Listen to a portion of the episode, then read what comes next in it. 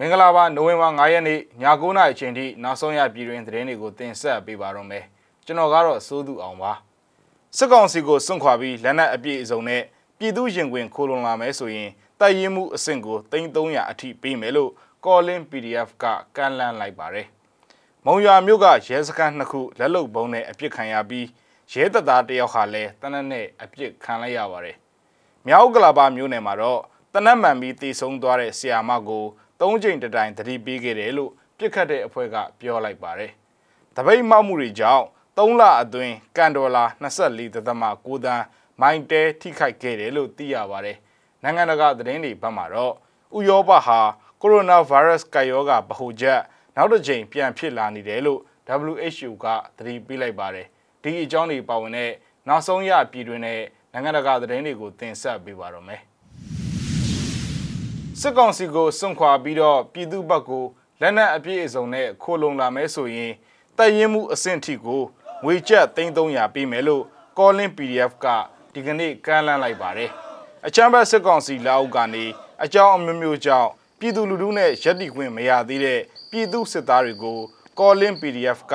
အသက်နိုင်ဆုံးအကူအညီအထောက်အပံ့တွေပေးသွားမယ်လို့ဒီကနေ့မှအတိပေးချက်ထုတ်ပြန်လိုက်တာပါ။ပြည်သူ့ဘက်ကိုရက်တီလာတဲ့စစ်သားတွေကို ပြည်သူလူထုကစေတနာနဲ့ပေးရမယ့်ထောက်ပံ့ငွေတွေကိုလည်းအဆင့်အလိုက် KLPDF ကထုတ်ပြန်ဖော်ပြထားပါတယ်။အကြမ်းဖက်စစ်ကောင်စီတပ်အတွင်းကတိုက်ရင်မှုအဆင့်တယောက်ကိုလက်နက်အပြည့်အစုံနဲ့ခိုလုံလာမယ်ဆိုရင်ငွေကျပ်300အထိထောက်ပံ့မှာဖြစ်ပြီးဒုတိယတိုက်ရင်မှုအဆင့်ရှိသူကိုငွေကျပ်300ထောက်ပံ့မယ်လို့ဆိုပါတယ်။အလားတူပဲလက်နက်အပြည့်အစုံနဲ့ခိုလုံလာရင်တပ်သားအဆင့်ကိုငွေကျပ်350ဘိုးအဆင့်ကို ငွေကျပ်300အထိထောက်ပံ့ပေးမယ်လို့ Calling PDF ကပြောပါတယ်။လက်နက်မပါဘဲနဲ့အလုတ်ခိုလုံလာတဲ့တပ်သားတွေကိုတော့ငွေကျပ်9သိန်းစီထောက်ပံ့ပေးမယ်လို့လည်း Calling PDF ရဲ့ထုတ်ပြန်ကြတဲ့မှာဖော်ပြထားပါတယ်ခင်ဗျာ။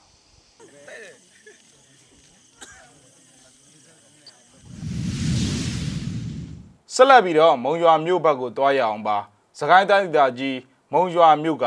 ရဲစခန်းနှစ်ခုတည်းကိုလက်လုံမိုင်းပစ်ထည့်တိုက်ခိုက်နိုင်ခဲ့တဲ့အပြင်ရဲတယောက်ကိုပါပြစ်တက်နိုင်ခဲ့ကြောင်း PDF စောက်မုံရွာတာဝန်ရှိတဲ့သူကပြောပါတယ်။ဒီကနေ့နိုဝင်ဘာ9ရက်နေ့ညနေ4နာရီမှာမုံရွာမြို့အမှတ်နှစ်ရဲစခန်းအပြင်ဘက်မှာမတ်တက်ရပ်နေတဲ့ရဲတပ်သားတယောက်ကိုနှထင်ကိုတနက်နဲ့နှစ်ချက်ပြစ်ခတ်နိုင်ခဲ့ကြောင်းဆိုပါတယ်။တဆက်ထဲမှာပဲစက်မှုဇုံအေးရိတ်သာလမ်းမှာရှိတဲ့ အဆိုပါအမှတ်နှစ်ရဲစခန်းတဲကိုလက်လုံမိုင်းပစ်ထည့်တိုက်ခိုက်နိုင်ခဲ့ပြီးအောင်မြင်စွာပြန်လည်ဆုတ်ခွာနိုင်ခဲ့ကြောင်းလည်းသိရပါတယ်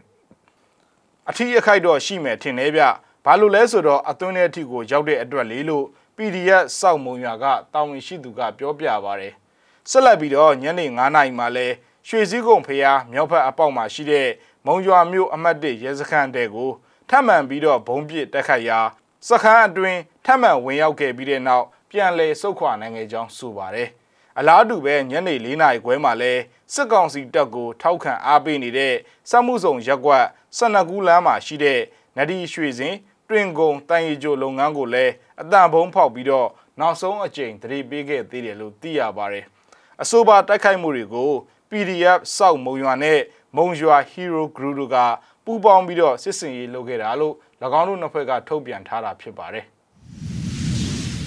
ဆက်လက်ပြီးတော့ရန်ကုန်တိုင်းဒေသကြီးမြောက်ကလာပမြို့နယ်မှာတနက်နဲ့ပြစ်ခတ်ခံရပြီးတိတ်ဆုံးသွားတဲ့ကျောင်းဆရာမကိုပြစ်ခတ်တဲ့အဖွဲ့က၃ချိန်တက်တိုင်တတိပေးခဲ့တယ်လို့အဆိုပါအဖွဲ့ဝင်တယောက်ကပြောပြပါဗျ။ကျောင်းဆရာမဒေါ်လလတန်းဟာသူ့ရဲ့နေအိမ်ရှိရာမြောက်ကလာပမြို့နယ်ကနေတကုံမြို့သစ်အရှိပိုင်းမြို့နယ်အထာကနှစ်ကျောင်းကိုတစီနဲ့သွားစဉ်မြောက်ကလာပမြို့နယ်နွယ်နီမှတ်တိုင်အကျော်မှာတစီမီးပွိုင်မိနေစဉ် ပြစ်ခတ်ခံလိုက်ရတာပါဒီကနေ့နိုဝင်ဘာ9ရက်နေ့မနက်8:30မိနစ်မှာတနက်နဲ့ပြစ်ခတ်ခံရတာဖြစ်ပြီးအဲ့ဒီတနက်တန်ရ3ချက်နဲ့မြောက်ကလာပဆေးရုံကိုတင်ပို့ကုသနေစဉ်တေဆုံးသွားကြောင်းဒေသခံတွေစီကတဆင့်သိရပါတယ်ပြစ်ခတ်မှုကိုပြုလုပ်ခဲ့တဲ့ Generation Z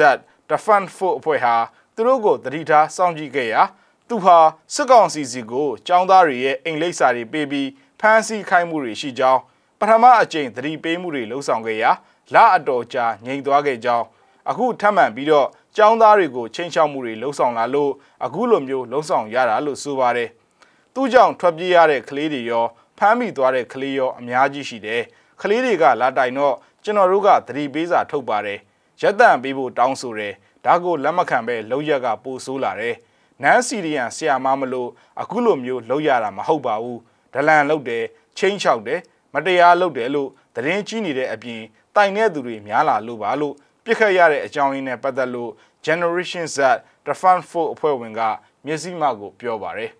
အဆိုပါပြစ်ခတ်မှုကို Generation Z Defend for နဲ့ Human Right Defender အဖွဲ့တို့ကပူးပေါင်းလှုပ်ဆောင်ခဲ့တာလို့လည်းသိရပါတယ်အာနာသိမ့်မှုကြိုးပမ်းပြီးနောက်ပိုင်းတပိတ်မောက်မှုတွေကြောင့်ဖေဖော်ဝါရီလကနေဧပြီလအထိ 3လအတွင်းအ ਨੇ ဆုံးကန်ဒေါ်လာ24.9တန်းမိုင်းတဲထိခိုက်ခဲ့ကြောင်း Justice for Myanmar အဖွဲ့ကအစီရင်ခံစာထုတ်ပြန်လိုက်ပါတယ်။ဒါအပြင်မှာသုံးဆွဲသူတွေနဲ့အယောင်းဆိုင်ပိုင်ရှင်တွေကမိုင်းတဲကွန်ရက်ကိုကြောခိုင်းခဲ့ကြရာအသုံးပြုသူ2တန်းအထိဆုံးရှုံးခဲ့ကြောင်းကိုလည်းဆိုပါတယ်။အလားတူပဲအယောင်းကိုယ်စားလှယ်ပိုင်းမှာလည်း9လအတွင်း16000ကျော်အထိရော့ကျခဲ့ကြောင်းသိရပါတယ်။အယောင်မြင့်တင်ရင်ဝန်ထမ်းအများစုဟာလည်း စစ်ကောင်စီတပ်သားတွေဖြစ်ပြီးစစ်ဌာနချုပ်တွေမှာအထူးတည်တံ့ကြိုတင်ရောင်းချခွင့်နဲ့ဝယ်ယူခိုင်းခဲ့တာလို့ Justice for Myanmar ကဆိုပါတယ်။မိုင်းတဲကိုစစ်တပ်စီးပွားရေးလုပ်ငန်းစုကြီးမြန်မာစီးပွားရေးကော်ပိုရေးရှင်းရဲ့လက်ဝေကန်ကုမ္ပဏီ Star Hike ကတစိမ့်တစ်ပိုင်းပိုင်ဆိုင်ထားပြီးကုမ္ပဏီရဲ့ရှယ်ယာပိုင်ဆိုင်မှုဟာ28ရာခိုင်နှုန်းနဲ့39ရာခိုင်နှုန်းကြားအထိရှိနေတာပါ။ကုမ္ပဏီရဲ့ပိုင်ဆိုင်မှု49ရာခိုင်နှုန်းကို BNN အမျိုးသားကာကွယ်ရေးဝန်ကြီးဌာနပိုင်ကုမ္ပဏီကပိုင်ဆိုင်ထားပါတယ်။မိုင်းတဲဟာသူတို့ရဲ့ဆုံးရှုံးမှုတွေကိုပြန်လည်ကုစားရမှာဈေးကွက်ပြတ်စေမဲ့ဈေးဖြတ်ရောင်းချတာစက်သွေးဥပဒေတွေချိုးဖောက်တာနဲ့သူတို့ရဲ့ဝန်ထမ်းတွေကိုထိခိုက်စေတာတွေအပါအဝင်အကုန်အကျများပြီးတရားမဝင်တဲ့မဟာဗျူဟာတွေကိုအသုံးပြုခဲ့ကြောင်းလည်းဆိုပါတယ်။ဒါကြောင့်ပဲຫນွေဦးတော်လန်ရေးရဲ့တပိတ်မောက်မှုတွေဟာအလုတ်ဖြစ်ခဲ့ကြောင်းကို ပြသကြောင်းနဲ့တာမန်ပြည်သူလူထုဟာ စစ်တပ်ရဲ့အကျိုးစီးပွားတွေကိုအမှန်တကယ်ထိခိုက်မှုတွေဖြစ်စေနိုင်ကြောင်းကိုလည်း Justice for Myanmar အဖွဲ့ကထုတ်ပြန်ခဲ့တာဖြစ်ပါတယ်။ဆက်လက်ပြီးတော့နိုင်ငံတကာသတင်းတွေဘက်ကိုသွားရအောင်ပါ။ဥရောပမှာကိုရိုနာဗိုင်းရပ်စ်ကူးစက်မှုတွေအရှိန်မြင့်တက်လာနေတာနဲ့ပတ်သက်လို့အလွန်တရာစိုးရိမ်ပူပန်ကြောင်းကမ္ဘာ့ကျန်းမာရေးအဖွဲ့ကြီး WHO ကနိုဝင်ဘာ၄ရက်နေ့မှာထုတ်ဖော်လိုက်ပါတယ်။ကပ်ရောဂါစတင်ဖြစ်ပွားပြီးနောက်ပိုင်းဂျာမနီဟာသူ့ရဲ့နေအလိုက်ကူးစက်မှု အများဆုံးမြင့်တက်မှုကိုကြုံတွေ့ထားခဲ့ပါတယ်။ကျွန်တော်တို့ဟာကပ်ရောဂါကူးစက်ပြန်ပွားရာဗဟုချမ်းသာတစ်ခုနောက်တစ်ကြိမ်ထပ်ဖြစ်လာပြန်ပါပြီလို့ WHO ရဲ့ဥရောပဒေသဆိုင်ရာညွှန်ကြားရေးမှူး Han Close ကသတင်းစာရှင်းလင်းပွဲမှာပြောပါတယ်။လက်ရှိအလားအလာနဲ့ပတ်သက်လို့ယုံကြည်စိတ်ချရတဲ့ခံမှန်းချက်တရက်အရာဖေဖော်ဝါရီလလောက်ကြာရင်ဥရောပမှာကိုဗစ်ကြောင့်သေဆုံးသူ နောက်ထပ်တန်းဝက်လောက်ရှိလာနိုင်တယ်လို့သူကသတိပေးသွားပါတယ်။အထူးသဖြင့် ဂျာမနီနိုင်ငံမှာသတိပေးခေါင်းလောင်းတွေထွက်နေပြီးဥရောပသမဂ္ဂရဲ့လူဦးရေအသိအသေးဆုံးနိုင်ငံမှာပြီးခဲ့တဲ့24နာရီအတွင်းကူးစက်သူအသစ်တွေ့ရှိမှုက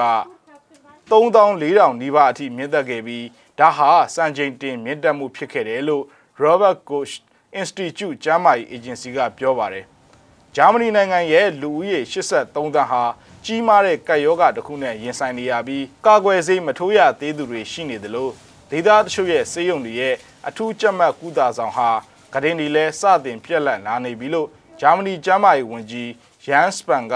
နိုဝင်ဘာ3ရက်မှာပြောထားပါတယ်။တချိန်တည်းမှာပဲဗြိတိန်နိုင်ငံကတော့နိုဝင်ဘာ4ရက်မှာ COVID-19 ရောဂါတောက်ဆီးသမျိုးကိုအတည်ပြုလိုက်တဲ့ပထမဦးဆုံးနိုင်ငံဖြစ်လာပြီးကိုရိုနာဗိုင်းရပ်ကူးစက်ခံရပြီးမပြင်းထန်တဲ့ယောဂလက္ခဏာနဲ့အသင့်အသင့်လက္ခဏာတွေကိုခံစားရတဲ့လူနာတွေကိုကုသဖို့ အမေရိကန်ဆေးဝါးကုမ္ပဏီထုတ် COVID-19 တောက်ဆီကိုနိုင်ငံမှာအသုံးပြုဖို့ခွင့်ပြုပေးခဲ့ပါတယ်အဆိုပါ COVID-19 တောက်ဆီကတော့ခုခံနိုင်မှုအားအနည်းဆုံးသူတွေကိုခံအားစနစ်အားနည်းသူတွေအတွက်ကစားပွဲပြောင်းလဲစေမဲ့အလားအလာအရှိအဖြစ်တစ်ခုဖြစ်မှာဖြစ်ကြောင်း UK ကျန်းမာရေးဝန်ကြီးစာဂျစ်ဂျာဗစ်ကပြောခဲ့ပါတယ်။နိုင်ငံ53နိုင်ငံနဲ့နယ်မြေတွေကိုလွှမ်းခြုံပြီး ဗဟိုအာရှနိုင်ငံတချို့လည်းပါဝင်တဲ့ WHO ရဲ့ဥရောပဒေသမှာတော့2019ခုနှစ်ကုန်ပိုင်းတရုတ်မှာကိုဗစ်ကူးစက်မှုပထမဦးဆုံးပေါ်ပေါက်ပြီးနောက်ပိုင်းကူးစက်ခံရသူဦးရေ88တန်းအထိရှိခဲ့ပါတယ်ခင်ဗျာ